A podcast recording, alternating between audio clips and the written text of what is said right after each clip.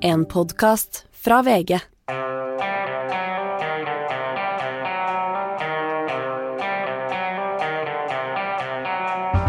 Ikke visste jeg at alle disse dagene som kom og gikk, de var selve uke 46. Og de blafrer altså unna. øh, det er nesten så jeg ser sånn, sånn gammeldags film, vet du, Hanne, hvor du, hvor du så sånn hvordan kalenderen med lappene bare blåste av gårde i vinden for å øh, vise hvordan tiden fløy av gårde. Hvis, Ja, og vi snakker om dette hver uke, og jeg Ja. synes hver uke så er det veldig nyhetsmetta, og Ja. alt har gått veldig fort, og vi ser Ja. på hverandre og sier jøss. Ja, fordi jeg har nesten sånn litt problemer. Jeg husker altså mellomvalget, det var forrige uke, og så var det Trump som utnevnte seg selv til presidentkandidat. Det var denne uka. Det var denne uka. Ja, ja. Uh, og, og mm, Polen, eh, bombenedslag, og hvilke andre saker har det vært denne uka? Fattigdomsdebatt, Arbeiderpartiet, krisemålinger, ikke minst, Arbeiderpartiet. Det følger jeg da hver uke. ja, det, men det er mye av dette som er hver uke. Ja, ja, Krig, det det, ja. amerikansk politikk, Trump. ja, lakseskatt har, Lakseskatt, har du vært veldig opptatt av. Ja. Eh, Og Astrid har skrevet en fantastisk kommentar om det, vil jeg bare få lov til å si. Så det bør, de som ikke har lest den, bør gå inn og lese den. Der er Astrid og du helt på linje. Eh, men eh, det jeg tenker da er spennende, du skal jo liksom oppsummere uka, eller, du skal plukke ukas viktigste sak som politisk redaktør til å skrive da eh, akkurat nå-kommentaren. Jeg har vært helt siden Olav Versto var eh, politisk redaktør her, så har den lørdagen vært litt sånn ekstra stas. Og nå har vi jo kutta ut akkurat nå den der side, store side to-tre-kommentaren på eh, hverdager. Så nå er det din som står igjen. Og hvilken sak har du plukket ut til å skrive om i morgen? Det må jo kanskje igjen bli noe om Arbeiderpartiet.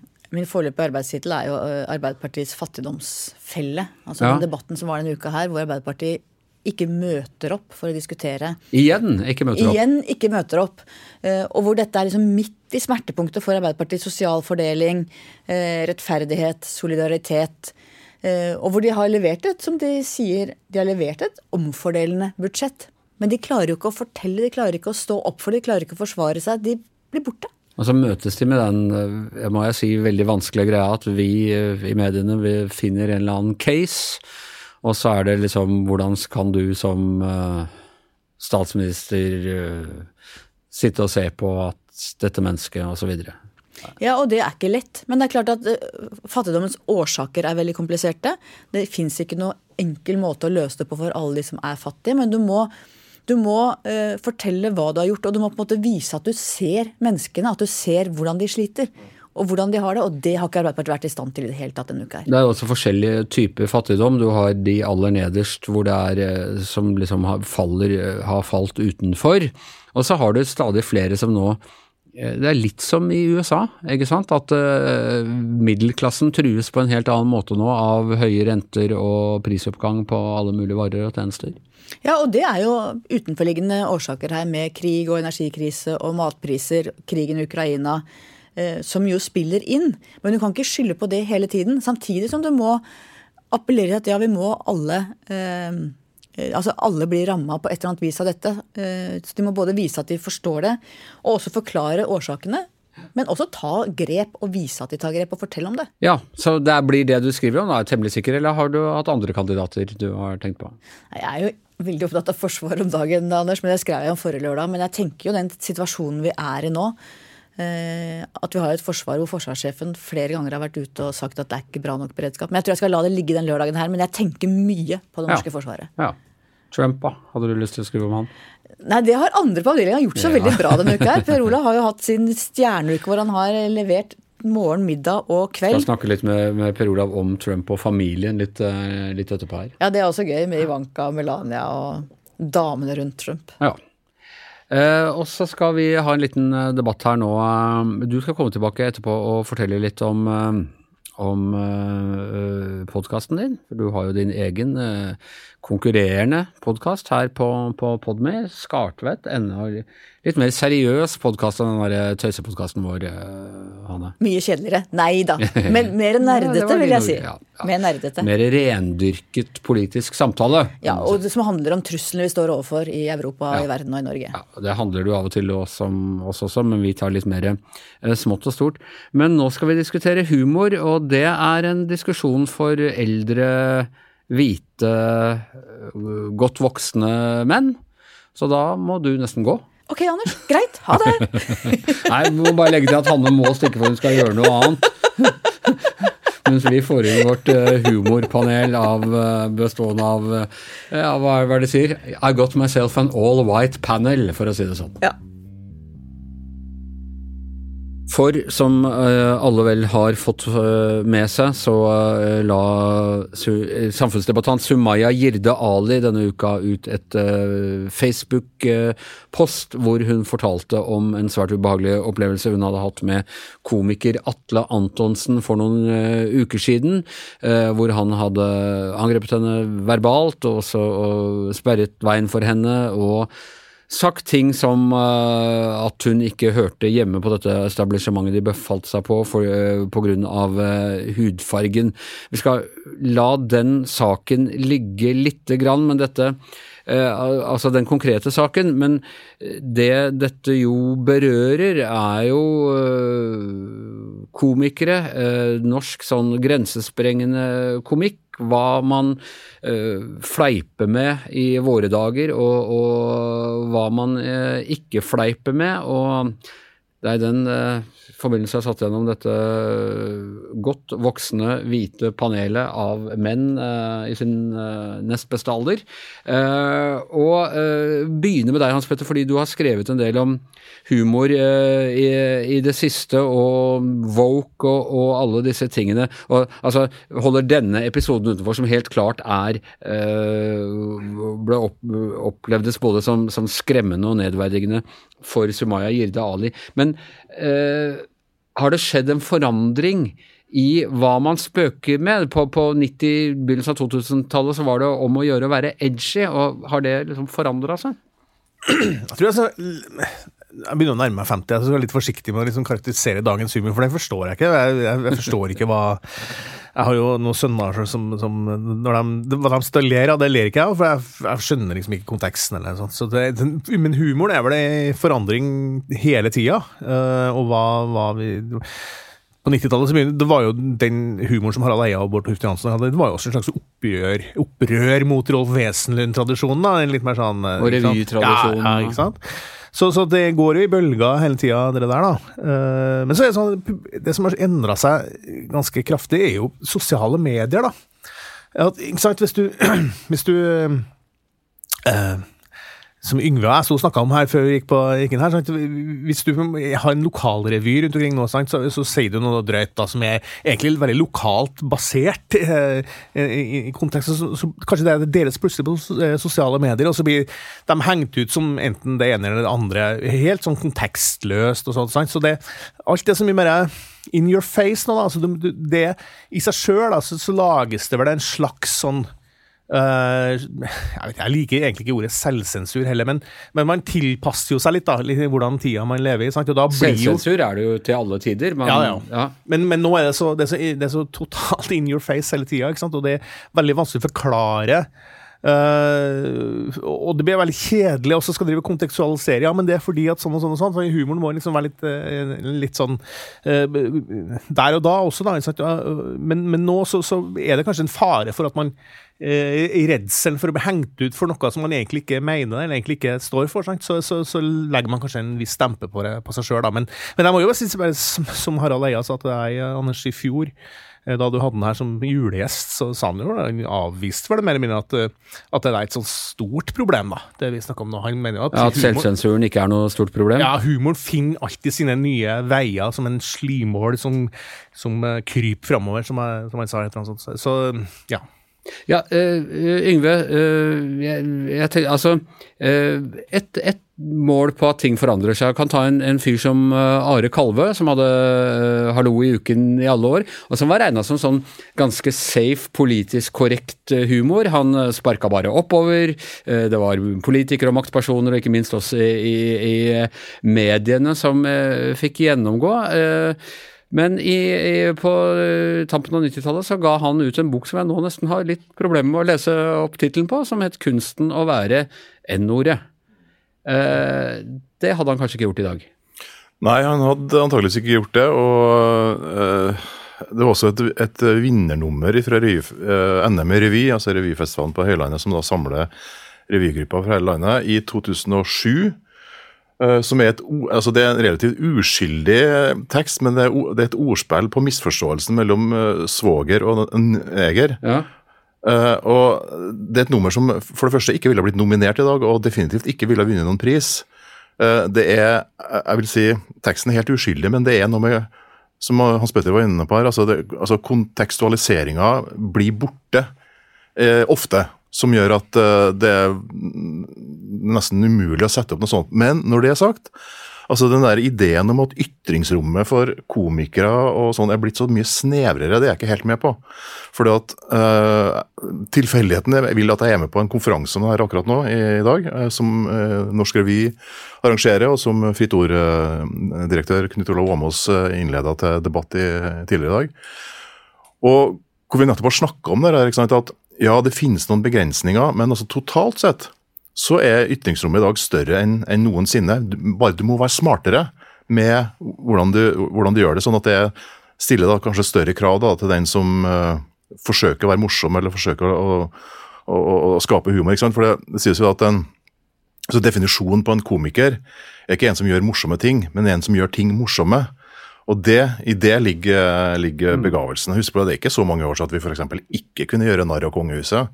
Nei. Så Nei, det, ting endrer seg. Det, det kan man til, til Mons nå. Men Roar du, eh, Hagen, du er altså vår tegner, og du har brukt satiriske elementer i alle dine politiske kommentarer eh, hele tiden. Det er jo knapt tegninger kanskje ved de aller største tragediene at, du, at det har vært helt uten humor, men ellers er det hver dag for deg en utfordring å finne et satirisk element ved det du holder på med?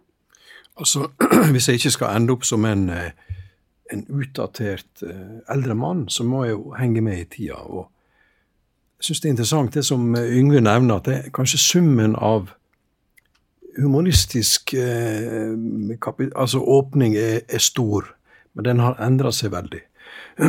det betyr at du må være mer subtil, må være mer tvetydig.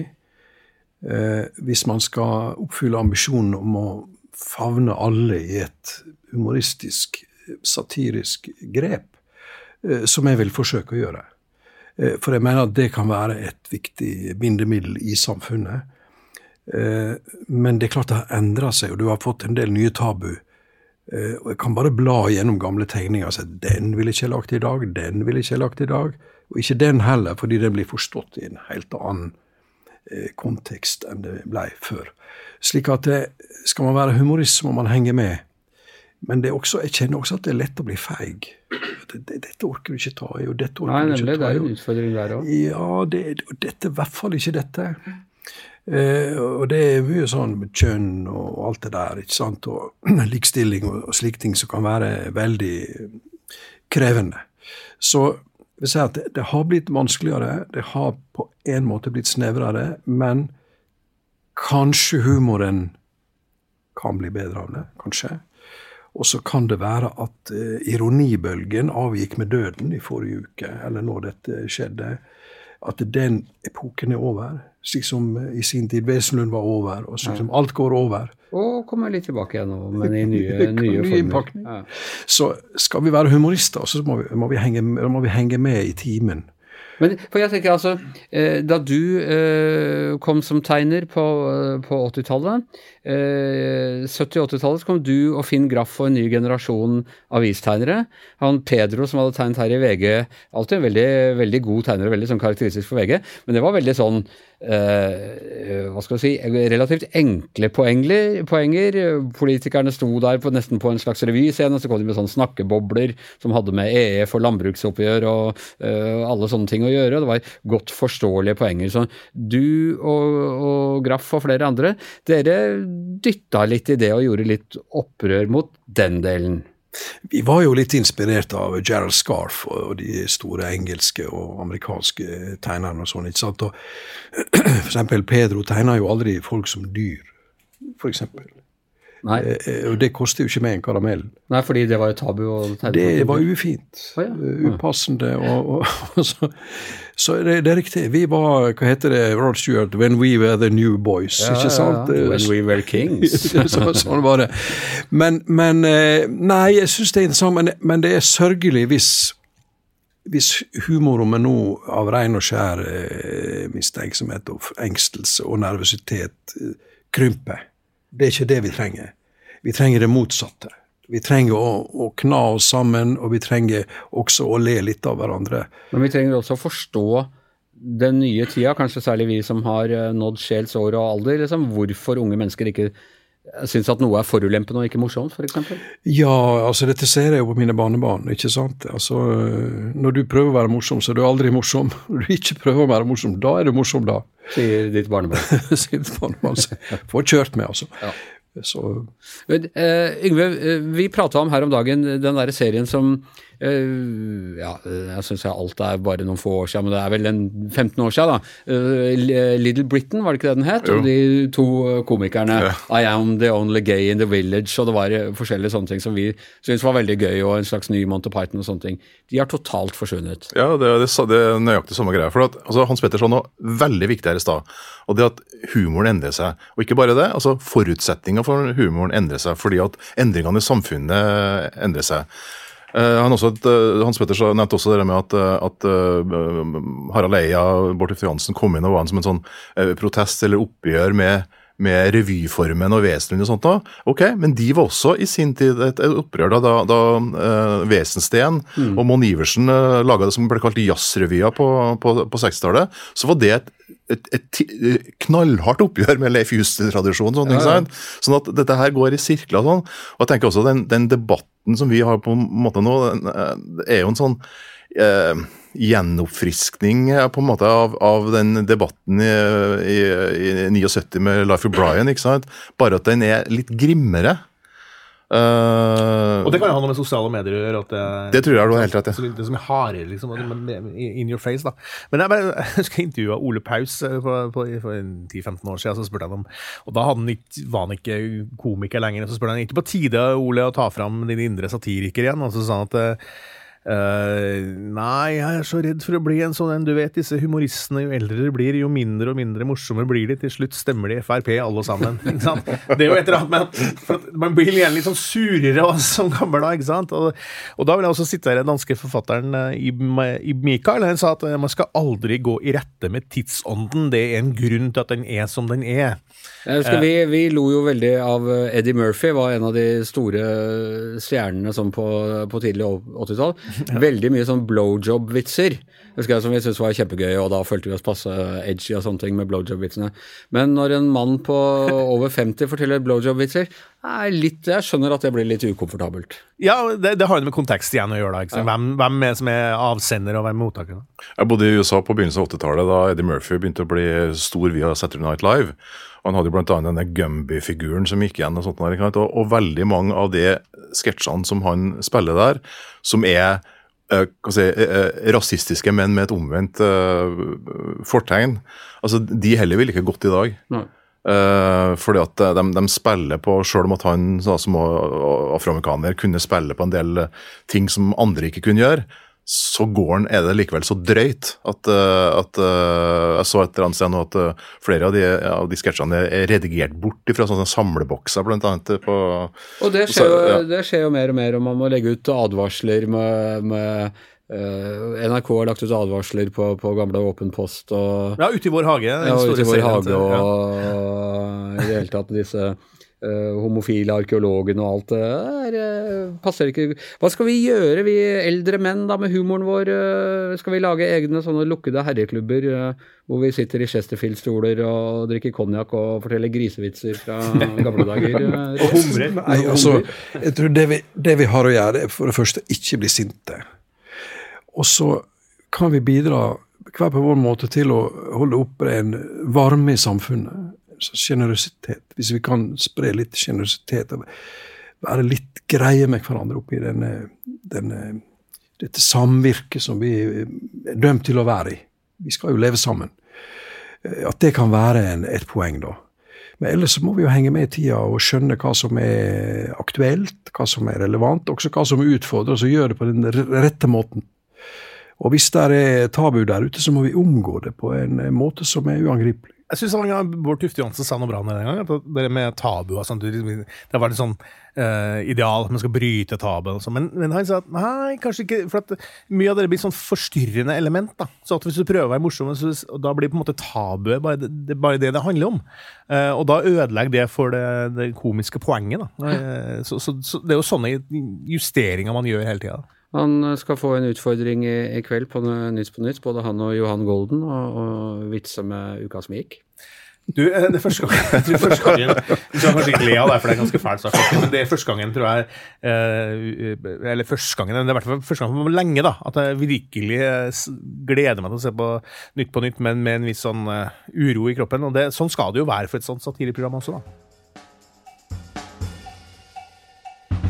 Ja, fra komedie til generelt til familiekomedie eller familietragedie, alt etter som hvordan du ser det litt mer spesielt. Eh, per Olav, av, eh, vi har snakka mye om Trump og amerikansk politikk den siste tiden, og, men vi er nå de vi er, og, og dette er, har vært et slags hovedtema i denne podkasten helt siden starten. Og én ting jeg føler at vi ikke har fått snakka helt ordentlig om, eh, det begynner egentlig med at Trump la delvis skylden på Melania, sin kone, for uh, at det gikk såpass dårlig uh, under mellomvalget forrige uke. Hva var det? Ja, spesielt én ting, da. Altså, dette er basert på uh, rapporter i New York Times um, om hva som skjedde i dagene etter eh, valget, mellomvalget.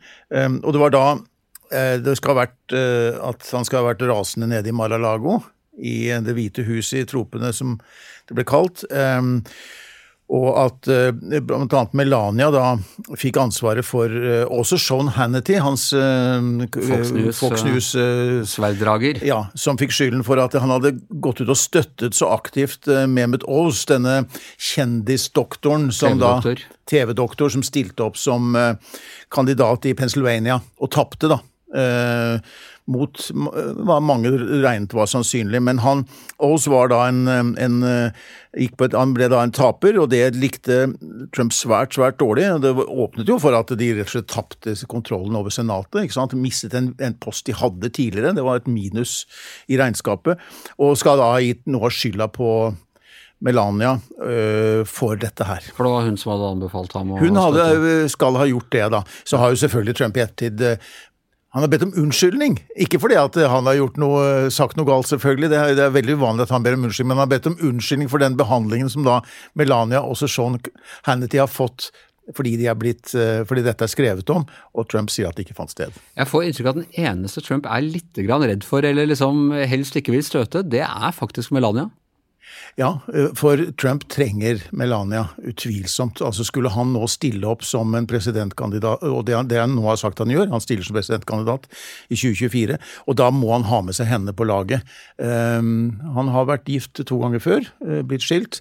Uh, han hadde ikke villet tåle en et, en, et brudd eller en skilsmisse nå, hvis han skal være en, eh, en republikansk presidentkandidat eh, om to år. Eh, Det går dårlig hjem greit og alt går, men skilsmisse, det er Ja, det, men det vil, tror jeg ville gått veldig dårlig hjem hos konservative velgere som de evangelisk kristne, som jo er en, en, en veldig, veldig viktig gruppe for han. Øh, Men, men, eh, men de tåler at han, at han er gift for tredje gang. Ja, ja. Jo, men En sånn fersk skilsmisse oppe i en sånn valgkamp tror jeg hadde vært veldig veldig dårlig Helt- for hans muligheter. Og så er det jo sant, det er jo noe fascinerende med, må jeg si, med, med Trump og familien i det hele tatt. For han har jo åpenbart en, en eh, tett familie. Eh, han, det er eh, hun eh, Ivanka, hans åpenbart eh, favorittbarn, eh, og, og eh, Jared Kushner, hennes mann, og så er det eh, disse to gutta, Eric og Donald jr., og så er det også eh, datteren som han har med, med Marla, som jeg inntrykk er litt mer perifer. Men han samler dem rundt seg alltid når det er eh, store ting. Ja, men det har nok skjedd eh, en liten splittelse i familien, og jeg tror nok vi så tegn på det også i denne seremonien i Mar-a-Lago da han kunngjorde sitt kandidatur, for de to eldste barna var jo ikke der. Altså eh, Donald Trump jr. og eh, Ivanka. Nei. Trump var ikke der. Hvor var de igjen?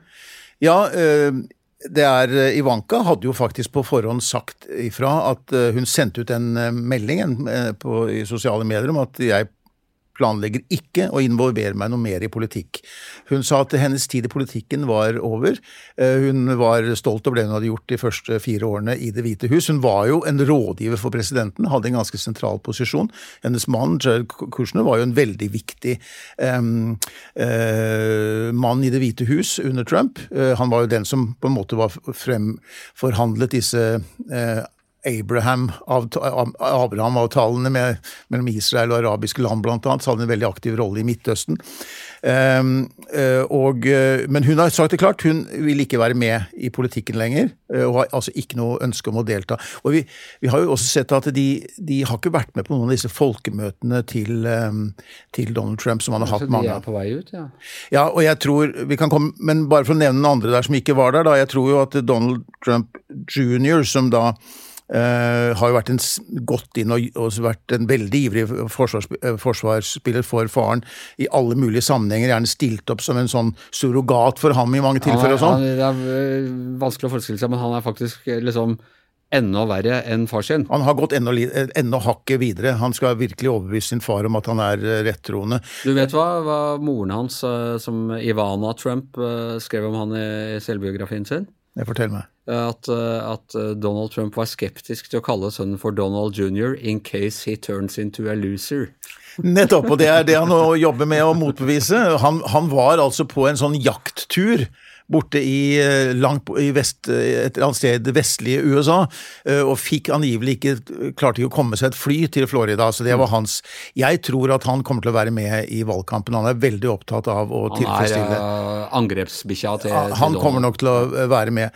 Men, men jeg tror akkurat det bruddet som jeg snakket om i familien, jeg tror det skjedde etter eh, 6. januar, opptøyene, opprøret i, i Washington. Fordi eh, Ivanka hun eh, var jo faktisk stilte opp eh, og vitnet for denne kongresskomiteen som har gransket det som skjedde den dagen. Hun avla et eh, åtte timer langt eh, vitnemål, og noen av de bruddstykker fra det opptaket er blitt vist for komiteen. Og der går det tydelig frem at hun aksepterte at de hadde tapt valget. Og prøvde å få faren sin til å akseptere Og det Og prøvde det. Hun sa at eh, hun hørte på justisminister William Barr, som sa at eh, det, det, var tull og tøys at eh, dette var valgjuks, du har tapt valget. Og hun sa at jeg respekterte jeg respekterer Barr, og jeg, og, og jeg eh, aksepterte det han sa. Og når eh, og hun satt i Det hvite hus 6. januar, hun så på TV hva som foregikk på, i Kongressen. Hun skal i hvert fall to ganger ha gått ned til faren, og hun slapp inn på, i The Oval Office. Og Den ene gangen så oppfattet hun at faren satt i en veldig opphetet samtale med visepresident Mike Pence, som jo da Trump forsøkte å overbevise til å la være å godkjenne valgresultatet. Um, og eh, hun eh, skal da ha sagt, ifølge bøker som har skrevet om dette, hun, hun, nå går jeg ned til far, og dette må ta slutt. Hun skal flere ganger ha oppfordret han til å gripe inn aktivt for å stanse det som foregikk på, i Capitol Hill. Etter det ble det kjølig, for å si det sånn, og Trump skrev på, i sosiale medier at, eh, at um, Ivanka hadde sjekket ut for lenge siden, som han skrev. Han pleide jo å fleipe med at hun var demokrat eh, når, når noen av rådgiverne hans klaget over at hun hadde sagt det. Og det var vel både hun og Jared Kushner, de var jo regnet som liberale Newyorkere. newyorkere, ikke sant? Eh, Inntil de da på en måte tok til seg den populistiske eh, eh, retorikken til Trump, høyrepopulismen, og, og ble en del av dette. Men når det er sagt, så, så, så heter det seg, og nå er det New York Post som er kilde, og New York Post er blitt en ledende kritiker Ja, altså av eh, De har snudd seg mot Ja. eh, Trump, og de har jo skrevet at eh, Trump og hans folk har innstendig oppfordret eh, Ivanka og Jared Kushner om å bli med i valgkampen, spille en viktig rolle, være med uh, i disse månedene år, og et par år som, som venter.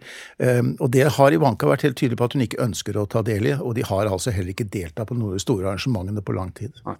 Men Melania er med, uh, og lille Barron, uh, som ikke er så liten lenger, må det være Blitt nærmest si. 16 år, tror jeg. Ja, 16-17 år, så, så, så akkurat den delen eh, burde være på plass. Ok, søndag starter eh, fotball, det meget kontroversielle fotball-VM i Qatar. Og i morgen, Leif Welhaven, da skal du eh, dra til Qatar for å dekke fotball-VM for gud vet hvilken gang. Husker du hvor mange ganger du har gjort det? Fotball-VM har jeg faktisk ikke dekket til stede før. Har du ikke det? OL har jeg vært i diverse ganger, men det er første gang jeg er fysisk til stede i fotball-VM. Oi, oi, oi, oi, så du gleder deg vilt du nå, da? Det blir jo en merkelig opplevelse. Nå har vi altså diskutert Qatar så vidt og så bredt, med så steile fronter som det har vært. Og nå blir det jo interessant å se hvordan dette faktisk blir på stedet, når det faktisk skal i gang, og alle mulige fasetter rundt dette. Hvordan tenker du å gi oss et lite innblikk i den metodikken du går til dette med? Altså Skal du beskrive spennende kamper og samtidig si men det er viktig å huske på at Qatar dreper tusenvis av eh, fremmedarbeidere hvert år for å få til et liksom hele tiden eh, helle litt malurt i begeret mens du skriver, eller hva, hva tenker du? Altså, dette er ekstremt vanskelig, og øh, jeg tror ikke alle som er involvert i fotball-VM på noen måte sitter i en eller annen form for glasshus, og dilemmaene dukker opp overalt. Eh, Det er jo ingen tvil om at både vi i VG og resten av mediene sov i timen så det sang etter da fotball-VM ble tildelt, og vi har veldig liten grunn til å være stolt av eh, dekningen av dette opp til eh, relativt nylig. Og det er vel heller det er mye in, En del internasjonal presse skal ha ros, men det er begrenset i hvor stor grad egentlig norsk presse heller skal ha ros for at dette virkelig kommer på dagsorden. Og da er jo spørsmålet som dukker opp, hvordan skal man skal mediene forholde seg til dette når det faktisk begynner? Noen, ikke minst eh, i sosiale medier, har jo ment det som at mediene skal gå inn som en form for eh, aktører som skal aktivt boikotte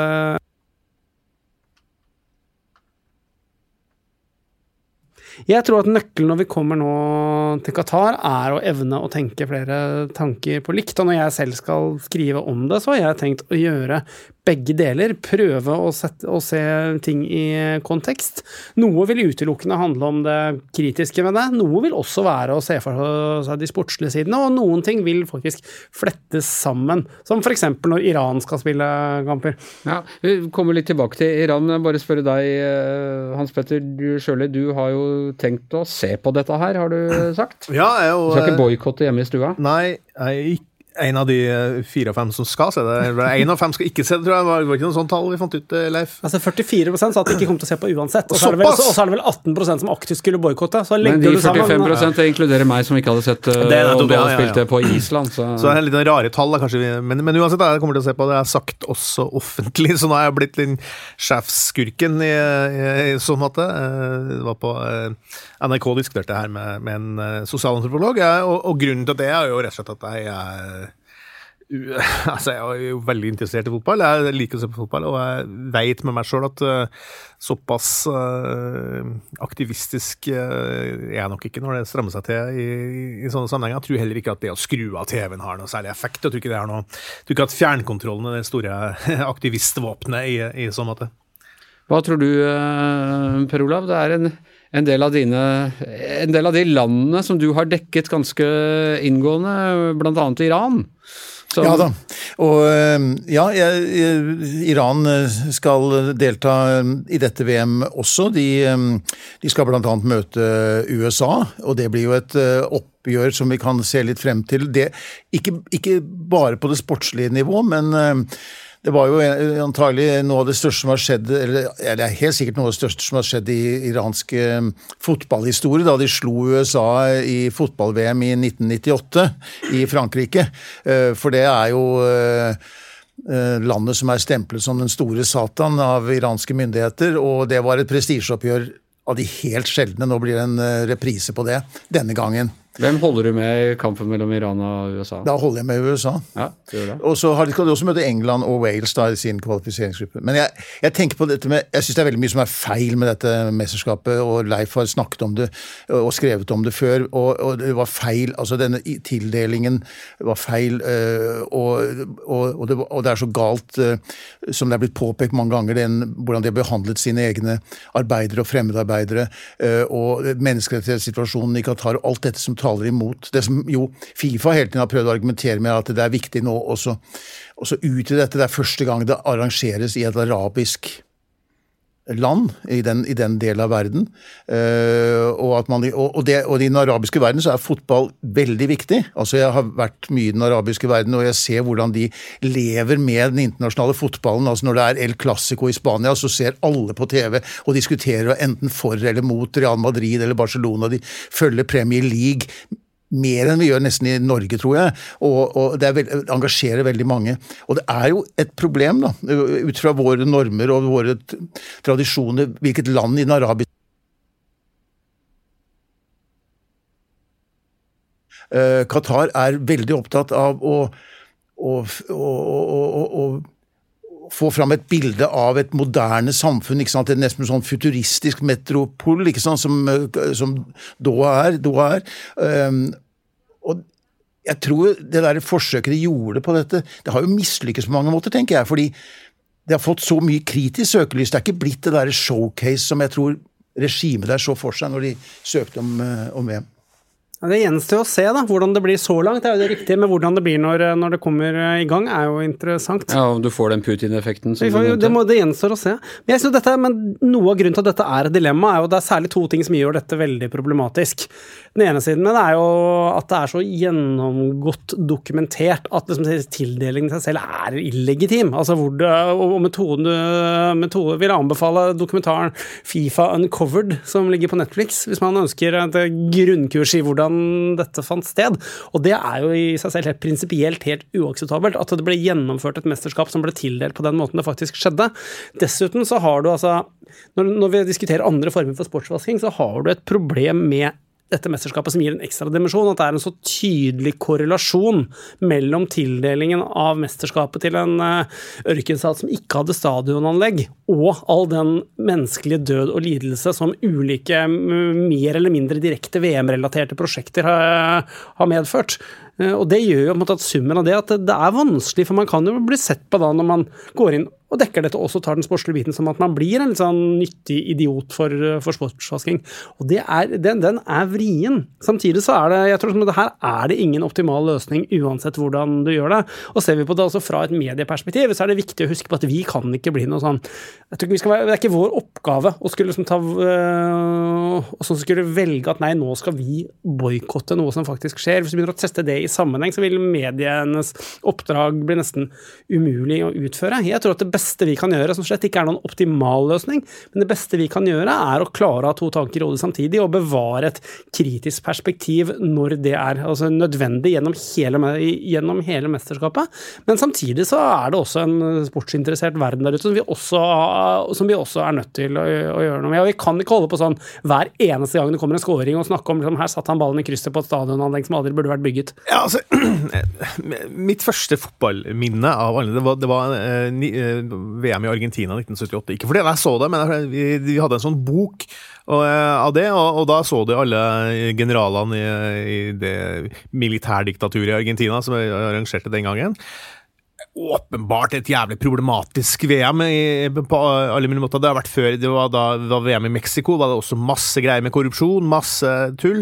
Og, og, og så i tillegg det argumentet med at, som ikke Leif bruker, men som andre har brukt, nemlig at det ikke er noe fotballkultur i, i Qatar. Hvorfor skal det legges dit? Det var det jo. Det ble lagt i Japan, det ble lagt i Sør-Korea eh, for noen år siden. Det var i USA, som heller ikke har noen stor fotballkultur. Så det her, tanken fra Fifa som en organisasjon som har bare understreker er en møkkaorganisasjon på mange måter. Men tanken er jo at du skal spre dette og gjøre det til en global eh, idrett. Og det, det syns jeg er veldig bra. Jeg har vært i Qatar sjøl og på, vært på fotballkamp eh, på en stadion langt pokker nivå, litt i ørkenen der. Jeg ble kjørt ut da, da Drillo var trener for eh, Irak. Uh, og opplevde jo der også at det var veldig stor interesse der nede. Folk var veldig opptatt av fotball, og har jo sett YouTube-videoene fra de arabiske kommentatorene uh, når de kommenterer Premier League og La Liga. Så det er åpenbart en enorm interesse der. Så det syns jeg er et dårlig argument. Og det er klart, når, når historia rundt det her har vært så Eh, problematisk og kontroversiell over så mange år, så er det i hvert fall, i hvert fall jeg har merka, da, eh, eh, blant en del som sender meg e-post, folk med Midtøsten-bakgrunn, de føler en viss dobbeltmoral. At hvorfor har det blitt så enormt til oppstyr rundt det her, når det har vært så mye sånne lignende ting før, bl.a. i Russland for fire år siden? VM i fotball handler om eh, sport, men det handler også i veldig mye om politikk. Og akkurat når vi var inne på Iran i stad, så er, det, er, jeg veldig spent på å se hvordan det kommer til å eh, være nå. For vi kjenner den situasjonen som er i Iran, med et stort folkelig opprør, ledet av unge kvinner øh, og en ung generasjon i Iran mot dette regimet. Regimet bruker dette landslaget som et samlende symbol. I, fotball er også veldig viktig i Iran. Det er en nervøsitet i Iran for om det skal komme politisk politiske markeringer under kampene som Iran spiller. Ehm, eh, og jeg vet at den iranske presidenten Ebrahim eh, Raisi har tatt opp med sin utenriksminister at han må snakke med sin kollega i Qatar, og de har gode forbindelser, disse to landene. Til tross for at det er Sunni og ja, men, ja, ja, men eh, Qatar vikt, har klart å Det er kunststykket å ha veldig nære forbindelser både med Kina, USA også Iran. Jeg tror antagelig det er det landet som, i den arabiske verden som Iran har best kontakt med, egentlig, på mange måter. Og skal, og de, det vil bli, antagelig bli forsinkede sendinger i Iran, slik at de kan luke ut eventuelle sånne episoder. Og så blir det spennende å se hvordan vil en iransk spiller reagere hvis han scorer. Vil det være markeringer? Vil de, vil de la være å juble? Eh, vil, de, vil motstanderlagene ha Vil de eh, komme med en form for markering?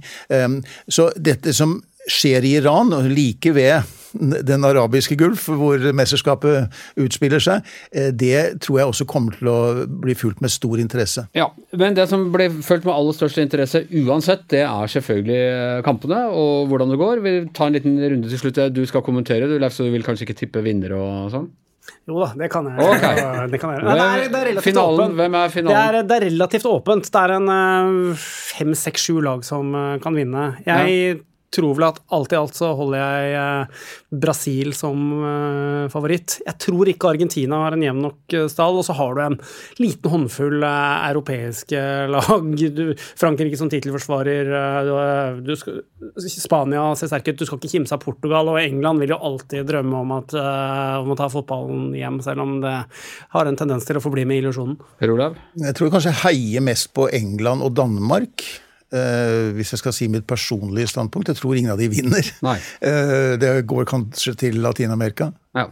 Hva med deg, Jeg heier også på Danmark, våre venner der sørpå. De har, men de var kanskje bedre for en par år siden, muligens. Mangler en god spiss store, min store favoritt, og det er rent subjektivt, er Argentina. Fordi jeg har, skulle gjerne sett at uh, karrieren til tidenes beste fotballspiller Lionel Messi ble krona med et uh, verdensmesterskap. Det hadde vært helt fantastisk. Men jeg er litt redd for sånn som Leif sier, at den troppen ikke er helt god nok. Så Brasil er nok kanskje den største favoritten.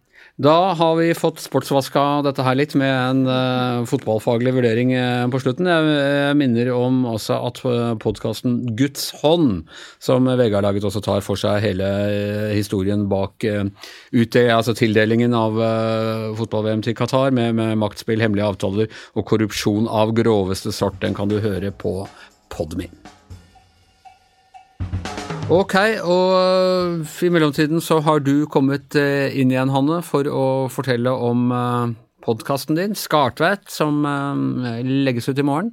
Ja, og det er altså en av Norges nyeste og fremste russlandsforskere, Karen Anna Eggen, som har forsket særlig på Russlands bruk av ikke-militære virkemidler i konflikter.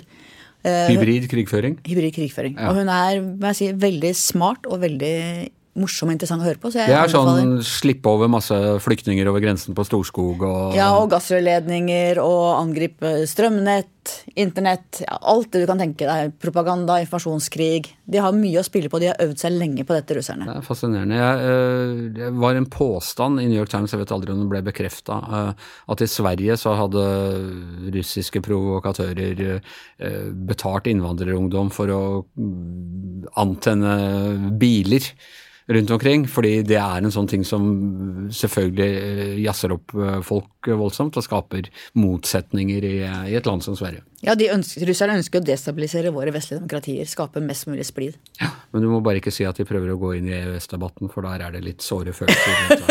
Veldig spør Så det håper jeg du tar og, og luker bort hvis, eh, hvis hun har sagt noe om det. Vi skal ikke krenke noen EØS-motstandere.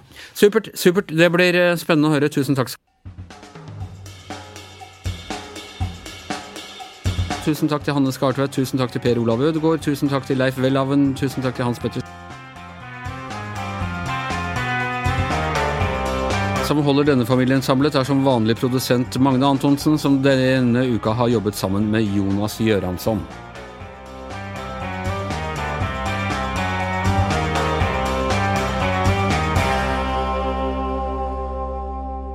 Du har hørt en podkast fra VG. Ansvarlig redaktør, Gard Steiro.